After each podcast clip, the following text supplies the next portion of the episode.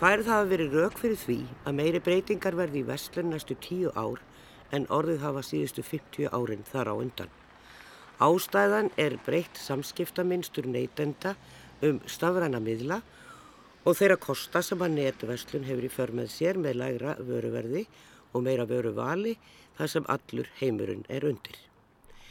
Vestlani sem nýta sér kosti tekninar skapa sér samkeppnisforskott og fá í hendur ímis greiningartæki til að fylgjast með kröfum og þörfum viðskiptavina sinna. Nýtt vestluraminstur byggt á stafrænum miðlum setur um leiðþrýsting á hefbundnar vestlanir um lægra vöruverð og bætta þjónustu. Svo segir í skýsle eftir Emil B. Karlsson fyrir um fórstöðumann rannsóknarsetturs vestlunarinnar sem útkom í fyrra. En fremur segir í nýðulagi ingangs skýslunar. Afleðingarnar kunna að einhverju leiti að felast í lókun verslana sem verða undir í samkjafninni. Í öðrum tilvikum að verslanir saminist í stærri einingar til að lifa af. Gera má ráð fyrir fækkun starfsmanna við almenn verslunastörf og ný og spennandi störf verða til í staðin. Þá má gera ráð fyrir að heildarrými verslunarhúsnaðis minki og hagraðing aukist. Svo gerjun sem á sér stað er kvartning til frekari nýsköpunar og hagraðingar í rekstri, aukinar sjálfvirkni, þróun stafrætna tæknilausna, breytinga í lagerhaldi, vörudreyfingu og vörustjórnun. Ætla má að erlendar netverslunarkeðjur kunni að hasla sér völl hér ef sama þróun verður og á hinum Norðurlandunum. Ný verslunarími í miðborginni verða til umfjöllunar í þættunum í dag. Sestur eru hjá mig Hjálmar Sveinsson, borgarfulltrú og Helgi S. Gunnarsson, fórstur í Reyins fastegnafélags sem keiptu við dágóðan hluta verslunarímis í borginni. En við byrjum nýri bæ.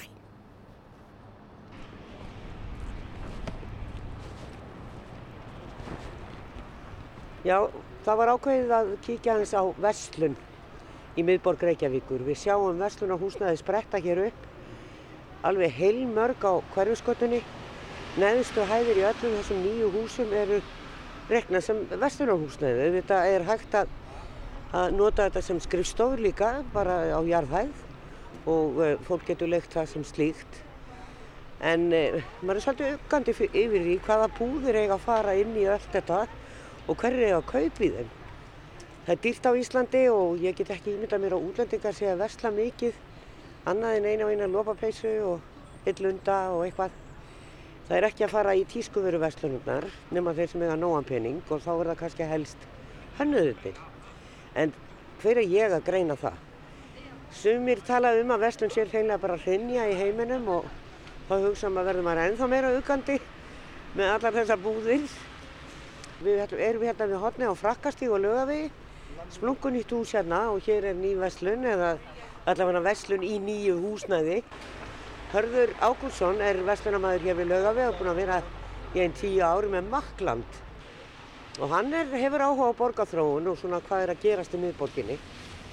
Og við ætlum að rölda hérna á niður hverfiskott og niður að Hafnatorki og svona reyfa aðeins hvað okkur finnst og hvað hann heyrir á, á kollegum sínum hér í miðbænum um verslun hér í miðbænum.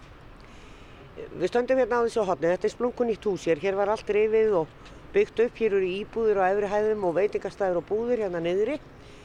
Og e, þetta er svona eitt af því fáa sem er alveg tilbúið eiginlega allavega hér út við göduna. Þetta er líka svolítið skemmtilegt hot sko að því hérna var mikil niðurnísla í búin að vera í mjög langa, langa tíma og löngu áður nýjakominga með vestlum sko, eitthvað slíkt. En þetta er svona sem að þekkir ellends frá, það er gert ræð fyrir tjónustrým eða, eða hérna á neðstu hæð og svo íbúið fyrir ofan. Já. Eitthvað sem við þekkjum og lítið hérna heima því miður. Þetta var svona í gamla daga. Hverjusbúðina voru niðri og svo voru íbúið fyrir ofan, en nú er búið að breyta hverjusbúðinum í íbúið líka. Já, Þannig að það var all heila ring. Sko. Já, já, akkurat. En e, þetta er nú bara þetta hús kemur voðalega vel út hérna á frakkastegnum. Þetta fellur vel inn í og Já. bara eins og þetta hafi verið hérna. Þess að þetta hafi alltaf verið hérna, það er svolítið skemmtilegt og mér finnst það líka svolítið engina það sem er búið að gerast hérna á laugaveginum í kringum það er að húsin falla svolítið vel af. Mér finnst það svolítið skemmtilegt. Sko. Það er ennþá verið að vinna hérna á baklóðinu og, og, og verið að gera það allt saman klárt. Það flutt inn í margar af þessum íbúðum og hér eru allavega tveir nýjir veitikastæðir, ekki eitthvað hérna sem heitir Reykjavík Meat. Jú, hann er hér. Hann er hér. Rómaður staður.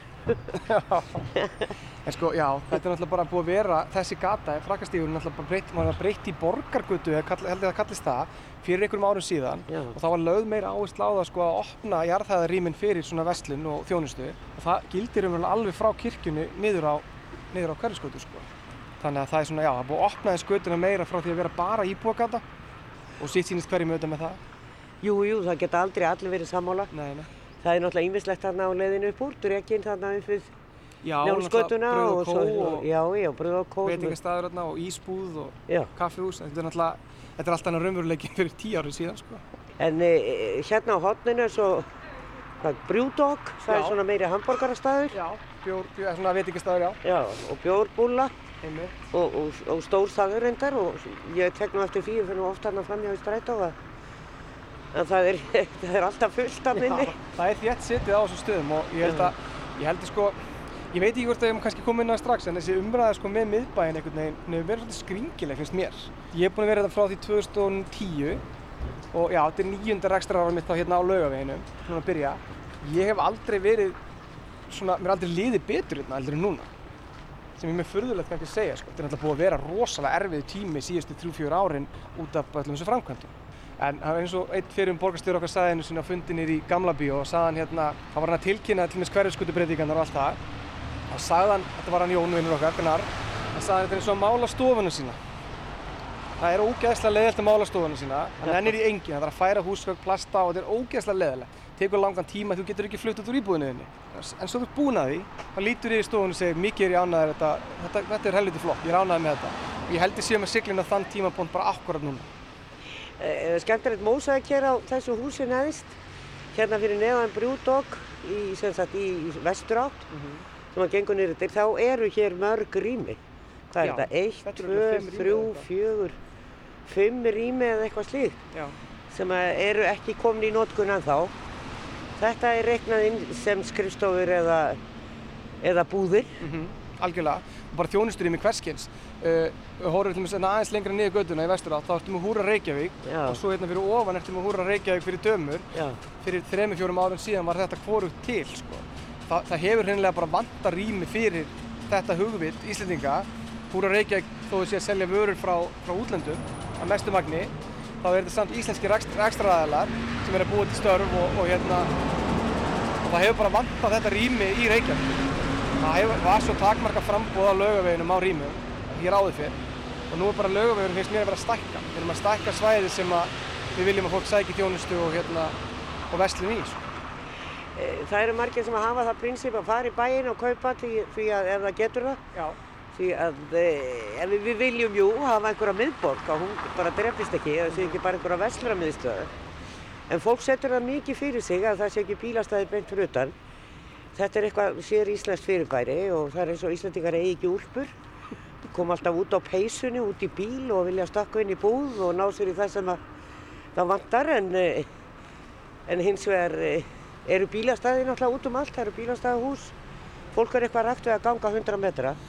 Já, og svo náttúrulega líka, ég er alveg sammála því, en ég er líka samúð með þeim sem eiga erfitt með gang og hafa, eiga vandamál með aðgengi að vestlum. Það er ekki gott að þurfa að lappa kannski langt, en, en það sem að borgin gerði sem ég varst mjög gott, að þeir breyttu svolítið krossgötunum sem að tengja saman hverfisgötun og laugavegin, þeir breyttu þeim svolítið í fjölguðu stæðin þar og fjölguðu líka stæðin fyrir þá sem eiga erfitt með gang, eða bláu stæðin, sko, þessi p-stæði. Það er eitthvað sem ég veit að er líka í framhaldinu verður gert meira af.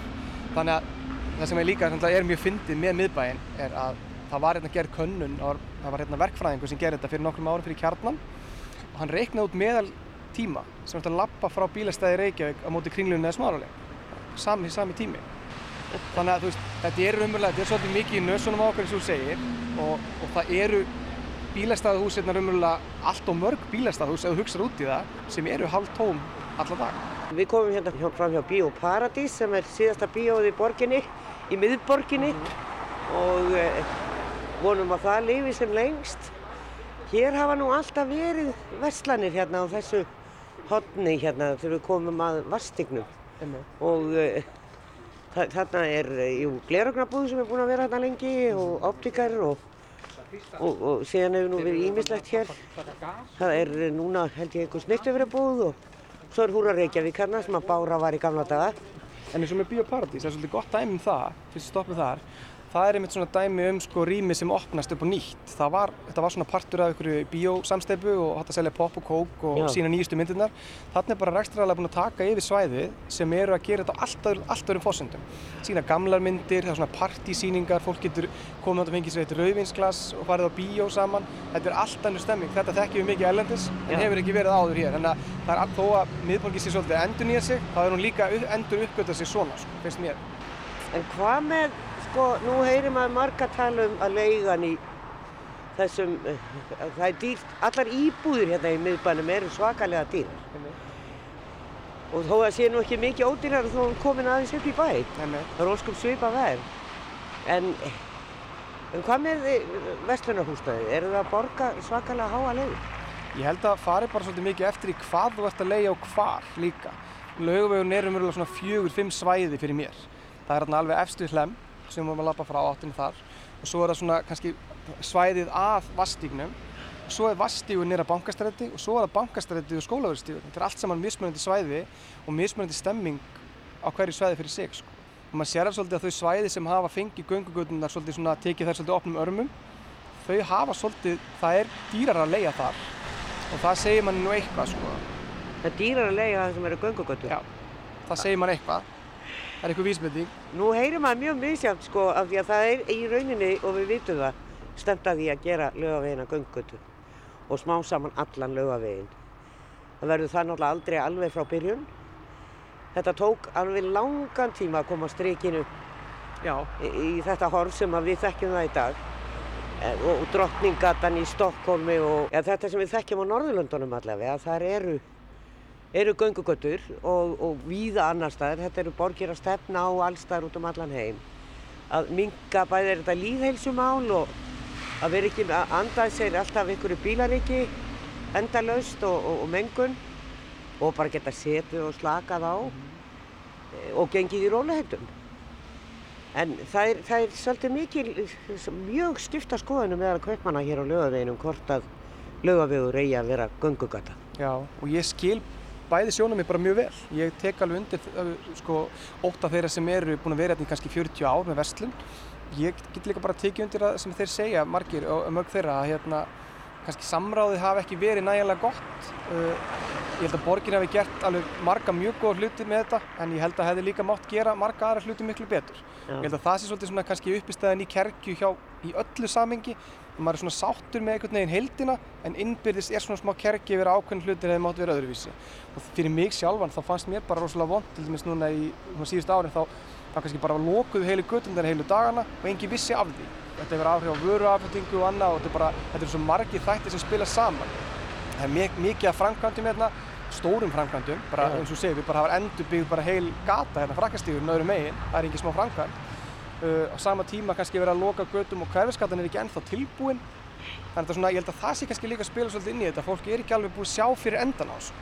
Við vitum að við fórum nú ekki þanga núna en eh, efstu fyrir Baránstíg og alveg niður allan Vitastígin og skúlagata þar er enn verið að byggja og verið að endurnýja og búið að rýfa og, og verður svolítið spennandi að sjá svona hvað gerist þar. Það er, það er öðrís en hér, það er ekki allt svona háar byggingar, það er líka verið að nýta gömlu húsin þar inn á milli og gera litla götu og annað.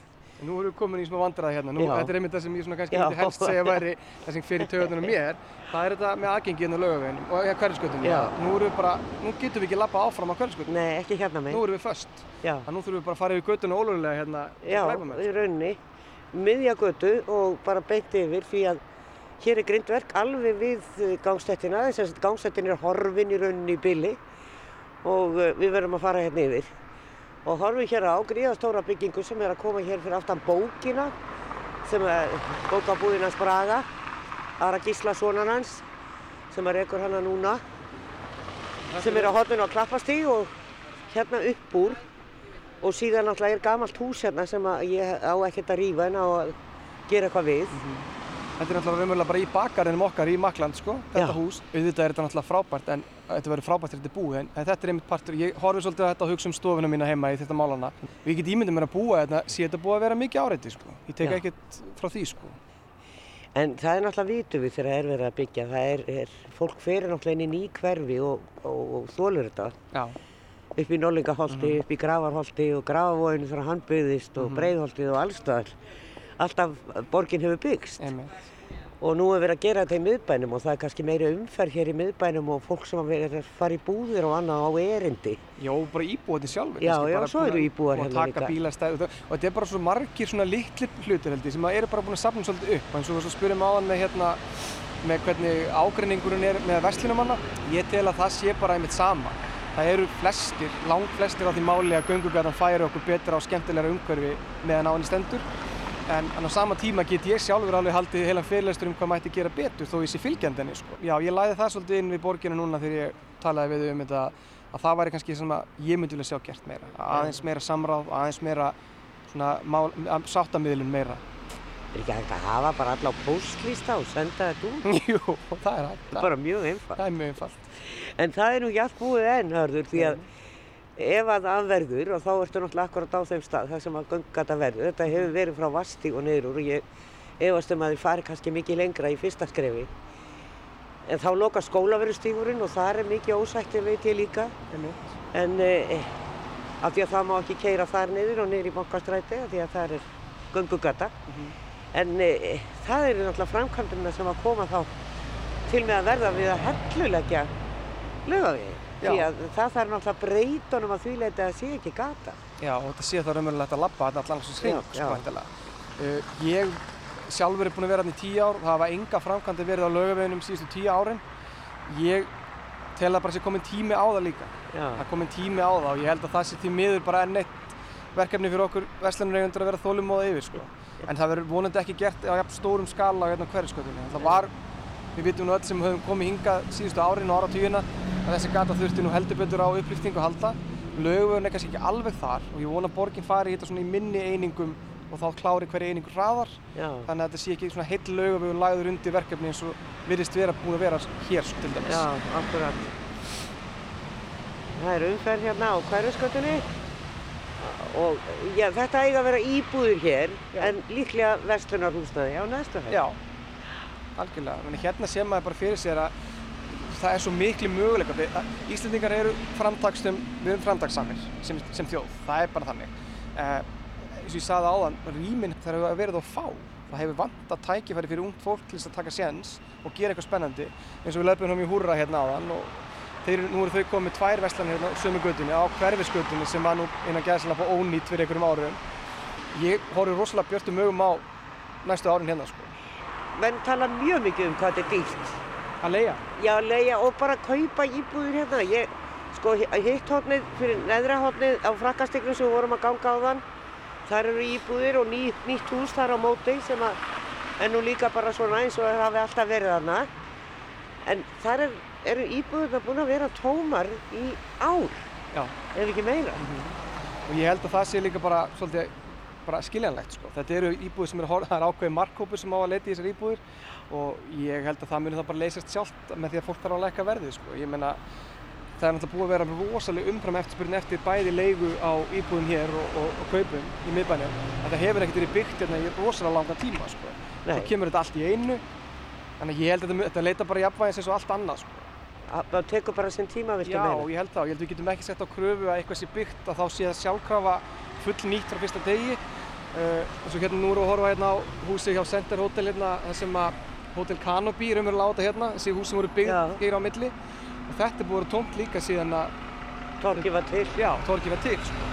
Já, það það- grunum mig að sé umverulega ekki endilega tengt í að það sé of há leiga eitthvað slíkt, en það er bara að það er ekki búið að sjá tækifæri fyrir þetta ennþá. Nei, það er nú einmitt það sem vantar á þetta torg. Gerist- Það er hérna matsölustafur, skelfismarkaðurinn og sem snýr inn að torginu og svo er vestlun sem að, þú veist, vestlun hefur eiginlega ekkert að segja fyrir torg. Nei, ekki Það þannig séð, þarf nei. að vera Það bara kannski margir. Litli Viss- veitingastæðir. Já, Já. eins og við sjáum á Östuvelli. Það má nú alltaf segja orðið matvöll í dag svo fólk fái eitthvað svona viðbröð en, en já, ég skil hvort það menna. Og ég held að það er líka sem ég er að segja, sko, ég held að það sé bara málið. Það er lagt upp með að gera eitthvað vestlunarými og eitthvað voða flott, sko. Það eru hugmyndir sem einhverjir fá sem er að byggja þetta eða framkvæma þetta. En svo bara þeir sem munu taka að sér þessi rými, það eru hugmyndir eins og ég sá ekki fyrir mér að kemja skellfiskmarkaðurinn í staðin fyrir sirkushúsi sem við byrjuðum í. Það sá ég aldrei fyrir mér að myndi koma veitingastæðir ég hafði ekki hugmyndaflug þetta eins og sko. ég, já, ég er bara rosalega jákvæður eins og kannski heyrir Já, það, það er miklu betra en þið. Það er alltaf þetta gaggrín og alveg sjálfsagt að gera það og koma með á móti sem sagt að, mm. hvað, eins og þú segir, það er ímislegt sem að mætti fara betur í samskiptum við við þá sem að hér búa, leia og eru að starfa.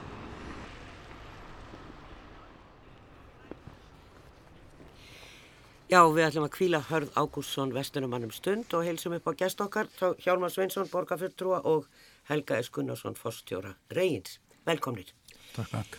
Eh, svona ég hef virt í fleikt að, að vestlun í heiminum sé að breytast það mikið, eins og ég sagði nú frá í þessari skýslu hér í upphafi og, og, og frá bandaríkjánum heyrum maður jafnvel að bara Veslum sé að rinja og, og menn séu mjög uppgætt um það, svona búður eins og við þekkjum þær á götum úti.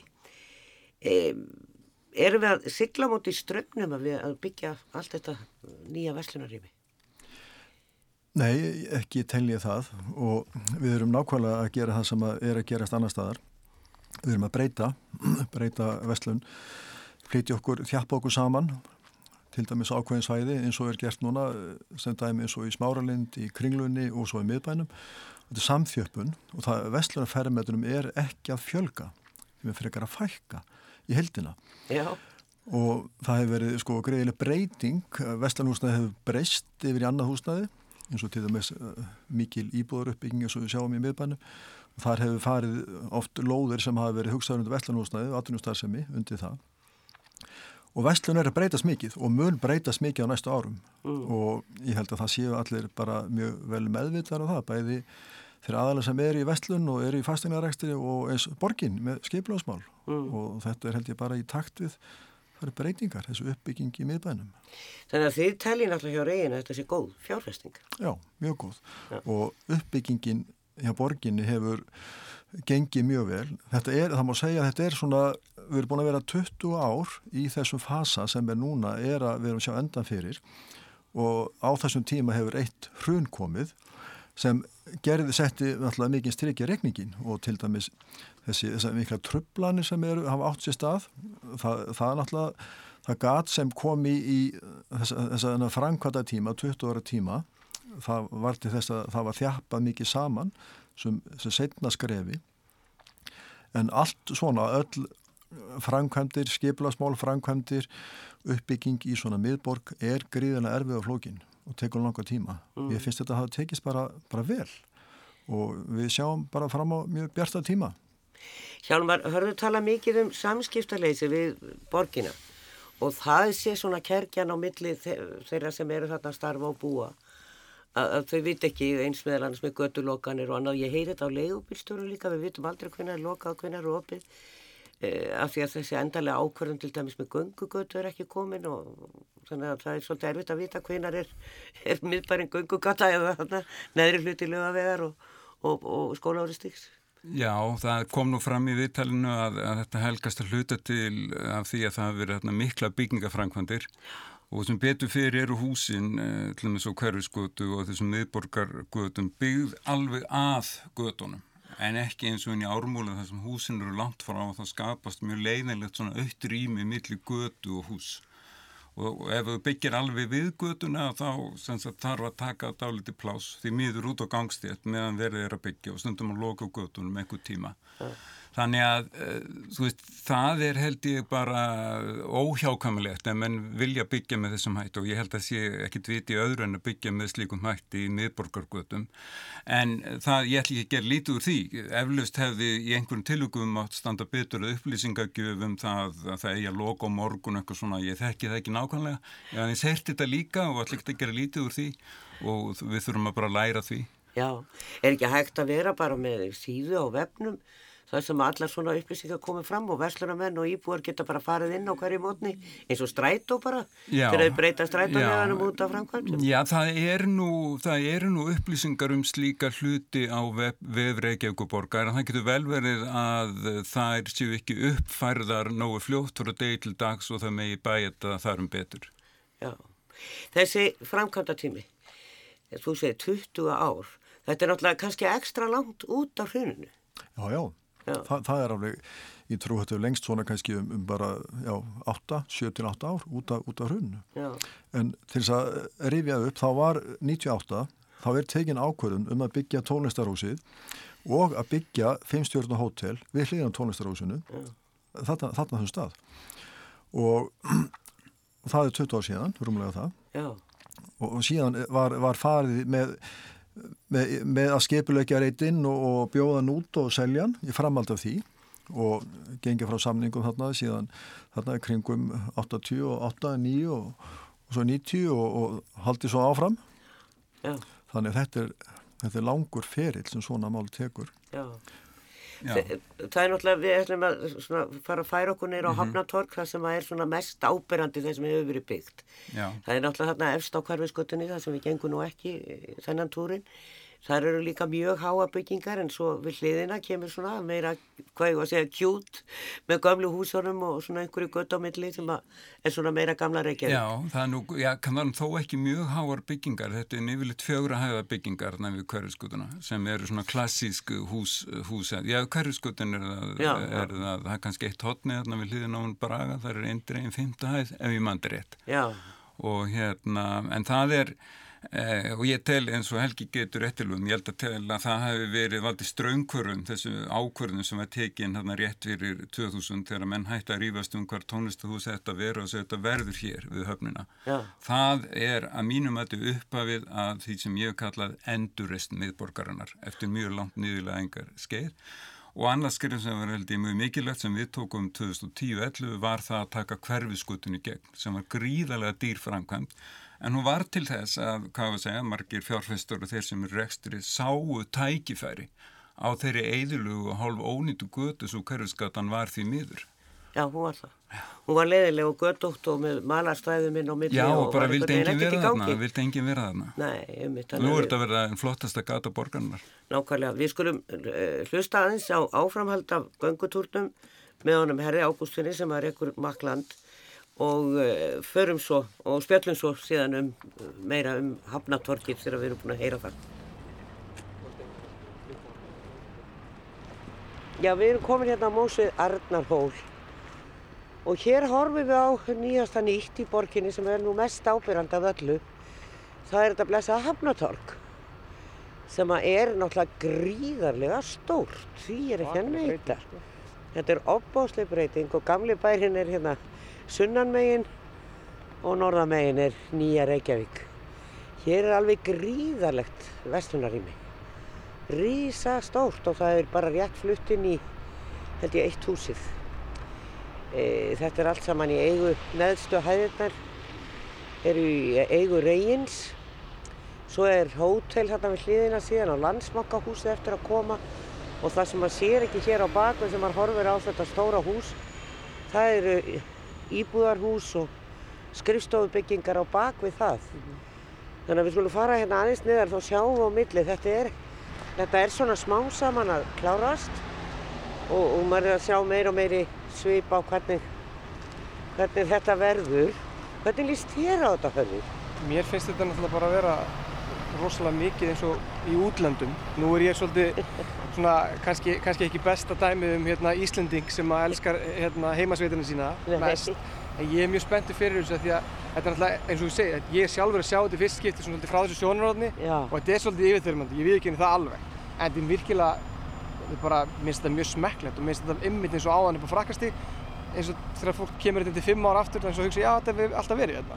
Já, heldur þú það? Já, ég held það sko, ég held það. Mér finnst líka þessi, hérna, þessi flotta hotnrétta bygging hérna fyrir framann okkur bara virkilega falleg sko. Kalla straujátt svona hús. já. Já, eins já. og, eins og í New York, nema þetta er aflítið minna. Já, örlítið minna. það er annað þarna sem er líka mjög vel hefnaðar endurbyggingir á Já. gamlu rámagerðinni og það er líka svona straujátt. Algjörlega. Þetta er svæði sem er bara eins og ég sagði áðan, þetta er bara, hér er bara að fara að opnast nýr heimur fyrir, ég held að vandamáli í Íslendingum hafa alltaf verið bara það voru svo fáir sem komist að með sínar hugmyndir af því það voru bara takmörku auðlind þjónustuhúsnæði. Núna bara erum við að fara að díla við það að það er bara of mikið frambóð þjónustuhúsnæði einhver tíma og það, þetta, þetta bara, já, ég, ég er mjög spenntið fyrir þessu svæði, sko, vægast sagt, Já, get sagt þér það. við skulum fara þarna aðeins inn í eina göttuna sem að er opinn en þær eru ekkert allar alveg opnar enn því að það er verið að vinna ennþá í þessum húsum. Við sjáum hér inn í Tryggvagötuna sem er eiginlega bara ný Tryggvagata. Og, og maður var alveg rugglaður þegar við vorum að byggja hérna hvaða gata væri hvað. Þetta er uh, Tryggvagata og svo sem sagt uh, norðamegin við húsið er Geirsgatan. Og uh, við Geirsgötuna er verið að byggja bara fullt af svona kossum. Það er myndi ég nú, það er það sem var svona þyrnir í mínu auga, mér finnst svolítið mikið að kossum Já. setti niður hér og, og, og minnir svolítið bara á hvað það sem var verið að byggja uh, um 70, 60, 70 það sem að kallaði modernæski tíminn sem að var svona svolítið kaldranalegur en það er nú ábyggilega ekki meiningin hér það er nú meiningin að þetta er að vera aðland og ég að þetta sé nú meira að minna göngugötur Já. hérna á milli, þú fer ekkert á bílnum hérna á milli Nei. þú leggur honum undir Eða tegur strætó. já og bara ef þú kemur á bílnum þá er nóg Já. stæðum verða nóg stæðum hérna undir Einmitt. Ég hef eftir að sjá það, ég meina, er Já. lifta þá bara kjallarunum eða ég... Ég veit ekki, Ég það er það ekki bara beint upp í búð. Þú getur verið á peysunum. Já. En, en svo er náttúrulega harpa þarna og hún svona er svolítið að hverfa á bakvið þetta allt saman. Já, frá hvernig sjónaröðni, algjörlega. Já, já, Og frá fallegasta sjónarhóndinu. Já, landsbanki mun koma hérna við hliðin á, á milli húsana. Nei, hérna fyrir framann, og já, þarna sem að eru bara núna vinnuskúrar og annað. Ég held að lagsbanki verði þar, sko. Já. Gatan verður áfram, sko. Já, ég sjálfur nú ekki mikill aðdáðandi stóra bygginga fyrir risafyrirtæki en það er kannski bara ég persónulega. En e, það verður eini bankin í miðborginni, þannig að Já, Það er engin banki nema landsbanki núna í miðbæri Reykjavíkur. Pósthúsið með sér að farið og Einmitt. svona þjónustufyrirtæki er að hverfa. Hvað finnst þér um það? mér finnst það svolítið skrítið sjálfum og Já. ég skil ekki alveg rökin fyrir því uh, ef, ég, ef ég væri íbúi í miðborginni væri ég vissulega ósáttu með það sko. Sem rekstraræðli hefur þetta áhrif á mig líka. Við höfum þjónustur á póstinu sem sækir og skuttla fyrir okkur en ég þarf stundum að fara á pósthúsi sjálfur og nú er það bara farið og ég veit ekkert hvar það fer. Það fer út á hótel Sögu. Það fara bótið sög í, í bændahöllina. Já, Já, ok.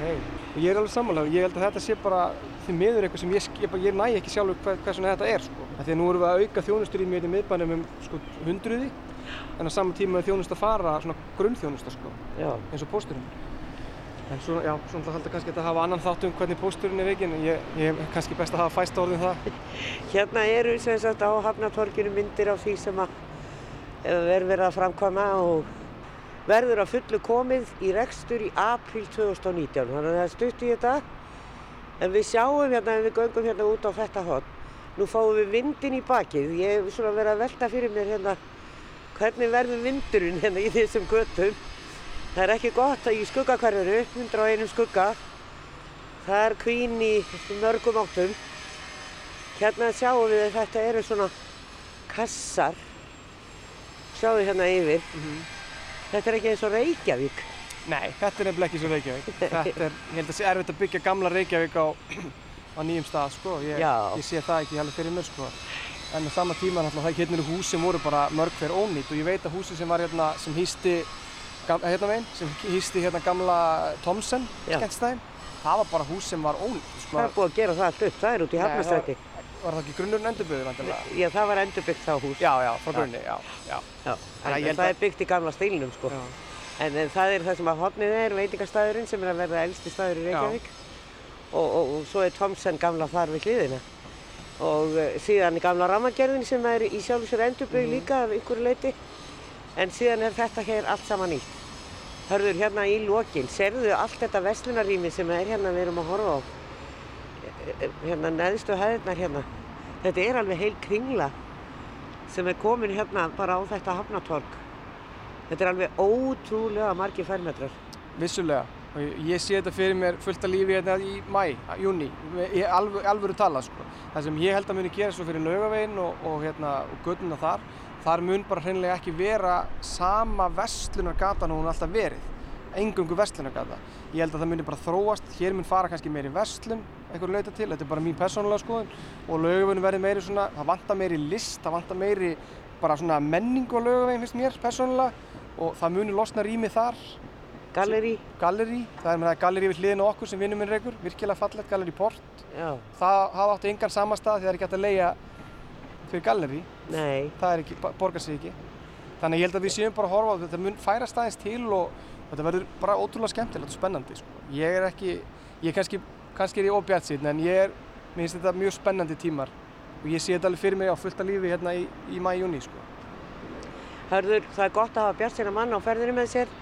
E, þú er tölvört yngra en ég, ég heyri það á yngra fólki að það er mjög bjart sínt yfir þessu öllu saman. Þeim finnst þetta að vera svona e, nýr tími og, og tækifæri. Mm -hmm. Ég er sammála og ég, mér finnst þetta, nú hef ég dvalið mikið í bara ellendu stórborgum og ferðast mikið sem fullorinn einstaklingur og þetta finnst mér, ég fæ bara svona pínu gæsa og þegar ég lappa hérna um að því að mér finnst þetta að vera vísir að því að við séum að verða svona eins og Stokkólmur og Kaupmannhöfn og svona borgi sem hafa endur uppgötta sig svolítið En við erum bara 350.000. Já, en við getum ekki bara nota það sem dæmum að, að það sé slæmt, sko. Við notum það líka þegar, við verðum líka að vera stórhuga og Jón Páll og allt það. Og ég held að þetta er nú kannski ekki alveg á þeim skala. Ég held að við séum kannski pína að lesa mikið í það að hérna sé eitthvað sem verður bara hreinlega tómt eða eitthvað svona eðimör.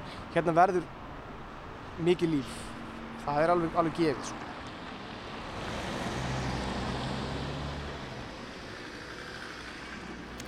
Já, staði hörður Ágústsson Vestlunamæður í Makland og er bjartsign og samfærður um að þetta eigi allt saman eftir að verða gott og fínt. En ég hafi nú orðað því þarna Helgi að uh, þetta væri heil kringla komin á afnatorkið, kannski aðeins orðum aukið. En hvað er þetta stórt? Hvað er þetta mikið vestlunarými? Sko, heldarsvæði sem við erum undir, það er þessa jarðhæðir, sko, bæði í Hafntorki og svo eins, eins norða við Geskutuna, austur höftsæguköllum. Já og það er svona 12-13.000 fermetrar þannig að þetta er ekki alveg einn stort og þú nefnir en samt þarf þetta að vera nokkuð stort til að sé hægt að búa til svona þann massa sem fólk vil sækja í til að vestla og þarna ætlum við að fyrst og fremst horfa til vestlunar mm. sem hefur vandað í miðbæin það vandar alvöru gæða vestlunahúsnæði með aðgengi með bílastæðum og eins og þarna kom fram að þarna eru bílastæði frá hörpu sem nánir á læketorg þarna eru 1100 bílastæði neðjarðar með góðu aðgengi að vestlunum og veitingastöðum og þetta er bara sem hefur vantæði bæinn og við ætlum að trekja þarna að góða vestlunumenn, bæði sterkar erlenda keðjur sem eru komnar hérna hluti eins og H&M og síðan alltaf bara mjög vandað og öfluga íslenska vestlunumenn eins og Söfi 17 og Hákonni Herragarðinum og Þannig að þetta verður samfélag með mjög, mjög sterkum merkjum, sterkum vestlunarregandum. Já, en e, já, það er náttúrulega kannski svona litla, pínu litla búður með, segjum svona vintage-föt eða eitthvað slíkt. Það, það, þetta verður of dýrt fyrir Nei, svona einstaklinga, er það ekki? Nei, alls ekki. Vi, við erum ekki, sko, við náttúrulega keftum þetta á ágæðum tíma, hamdorgið. Við fórum, gáðum tilbúið 2013, gerum samning 2014 og þannig við erum að kaupa á bara mjög hagstaða verði okkar rými og þar leðandi getum við lekt þetta út á, á góðu verði, markas hæfu verði Já. Og auðvitað gerum við okkur einn fyrir því að þetta verður ekkert komið á fullan snúning á öðrum degi, það tekur tíma að byggja svona sæði. Og við höfum bólvang til þess að vinna í því með okkar viðskiptaðamönnum, legutökum að byggja upp svæðið á nokkur árum og gera þetta að mjög flottu svæði. Mm. þannig að þetta er alls ekkert of dýrt. Og þarna verður líka verða líka litlaðslanir og bara eins og til dæmis bara Frank Mikkelsen verður hérna á flottu stað með sín flottu merki Rolex uh, litlaðveslun Það verður skrítið að ganga lögaveginn eftir tíu ár. Hvað fer þákað, Hjálmar? Það er búið að tala um það sko í mörg mörg ár mann ég bara þrá Bolli var í 17 fyrir mörgum árum og var að tala um þetta og það vantaði aðgengi að, að góðum búðum á lögaveginn þetta væri gömul hús og væri tröppur og, og þetta væri allavega rými sem voru ekkert reknu sem vestlunarými á sínum tíma e, hvað verður á lögaveginn? Já, það verður ábyggilega versluður áfram en ég hugsa kannski að hörður í Makland hafi rétt fyrir sér að það mun örgulega breytast.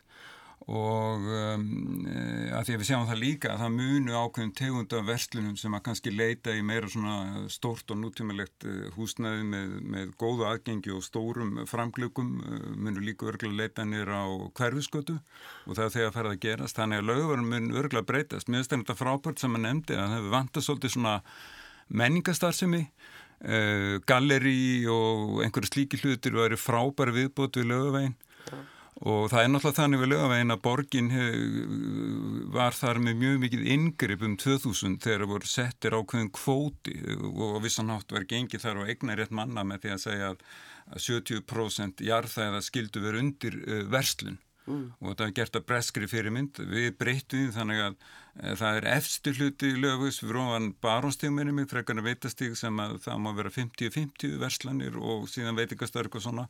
Og ég held að það hefur verið gott sko að því sá hluti lögavissins var alltaf svolítið erfiður, nú er það mjög líflugur að það eru konar fleiri Eh, fleiri veitingastæðir um, sko hvort að það komi að því að það þurfa að breyta þessum kvóta til þess að lækka þennan verslunarkvóta, ég skal ekki segja um það. Ef að það eh, telst vera nöðsynlegt að þá er ekkit stort mál að gera það. En ég held að laugavegurinn að því það var líka þessum við gerst við laugavegin að það var allavega tímabilu svona til hruna þá voru mikið á svona litlum svona hönnunaverslunum það voru ungir hönnuðir sem fengu allt innu tækifæri einmitt í þessum litlu húsum sem hafa verið talin óverslunarhæf í e, nútíma verslunar umhverfi, ja. þau voru einmitt alveg frábær fyrir þetta unga fólk. En, en síðan hefur það verið svolítið erfiðara því að það er alltaf verið svolítið dyrt í dag. En þetta mun leita, leitast, leita í eitthvað jafnveg, ég venga ef að sendur það. Já, en það er náttúrulega, það sem að kemur inn í þetta er náttúrulega það sem við töluðum líka um ég og hörður, þetta, þetta er dýrt. Íbúðunar eru dýrar í miðbænum, þessar nýju íbúðir og, og þetta lóðaverði í borginni og fastegna skatturinn er hár. Þannig að maður svona sér svona einirskja e, sem að eru að hefja eitthvað starf, að búa eitthvað til og, og, og eins og galleri, ég meina það er ekki, það er ekki mjög, það gefur ekki mikið aðra hönd.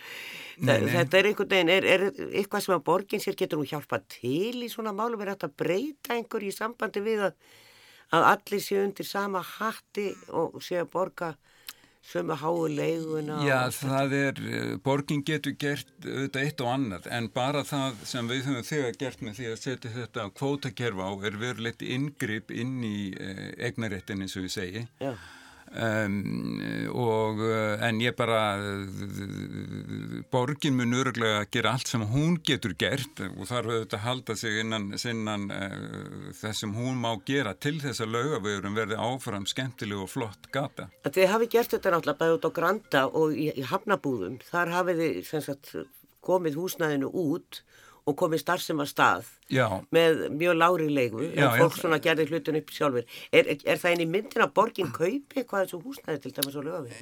Ég skal ekki segja um það. Ég sé það nú ekki fyrir mér. Eh, borgin keifti eh, matölluna hlem og let gera hann upp og það hefur svona þyrlað upp miklu pólitísku moldviðri kringu það. Ég tel að það hefur alveg frábært að gera það. Við borgin keifti þetta strætó og, og sem sagt bjóð þannig um hnútana að það var hægt að reyka þarna mjög skemmtilega stað fyrir almenning. En ég sé það ekki fyrir, svo ég því beint út ég sé það ekki fyrir mér að borgin fyrir að kaupa púsnaðu lögum, nei. nei Hvað segir þú Helgi, þú býr sjálfur í miðbænum og ég hafi orðað því að, að, þjónustu fyrirtæki er að hverfa. Það er allir bankatinn farnir og landsbankin er eini banki sem eftir er. Og, og fólk þarf að fara annarkort í strætó eða ganga smá eðalengd eða fara á bílnum til þess að komast í bankansinn, pósthúsið farið Eh, það er svona engin símafyrirtæki. Já, þetta, þetta er bara nýr tími. Til hvað starta að vera í banka og það fer bara netið? Já, einstakastinn útlendingar það, það er sendt heimtíðin og það er hraðbankur út um allt. Já. og það er bara breytti tímar. Og, en sjálfsögðu vill fólk vera saman og skemmta því saman og hafa gaman að hvort öðru. Og það breytist ekki neitt. En þó að einn þjónusta flytist yfir einhvern, einhvern annan vettvang þá verður alltaf til sterkur miðbær og hann bara breytist og við þurfum bara að vera fylgjast, vera í takt hvert hann stefnir og fara saman hóngað.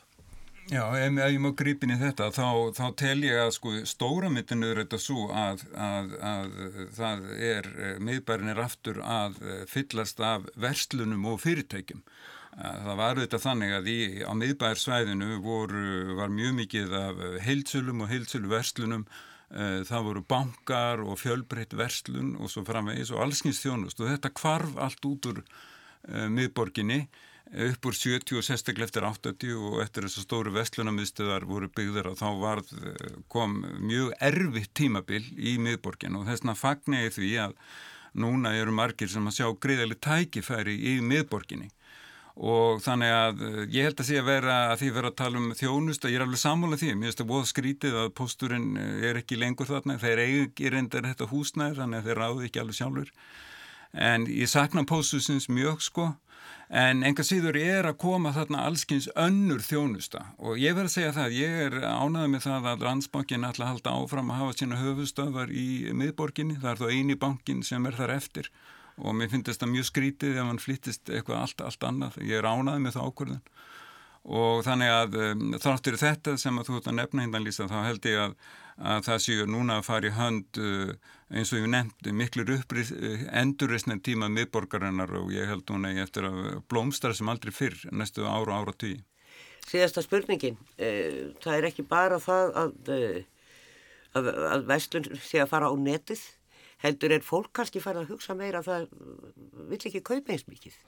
Og það er svona, áráðurinn er alltaf gengur á okkur, ekki matasóun og, og við kaupum alltaf mikið af fötum, það er alltaf mikið framleitt, þessu er bara hend, fólk er að kaupa sér föt og, og nota á aldrei, eh, þannig að hugsunahátturinn er að breytast líka. Já, já, og í, í, því félagst tækifæri, fólk er að kaupa vandaðari hluti og sem endast lengur og fólk er að borða öðruvísi, hugsa um heilsuna og þetta er bara þessi þróum sem við þurfum að öll að fylgjast með og, og taka þátt í ef okkur líkar þessi þróun þannig að, að það eru, það eru að sjálfsög er alltaf ógnanir en það eru alltaf tækifæri líka í öllu og það er mjög mikilvægt að horfa á, á þau tækifæri mm.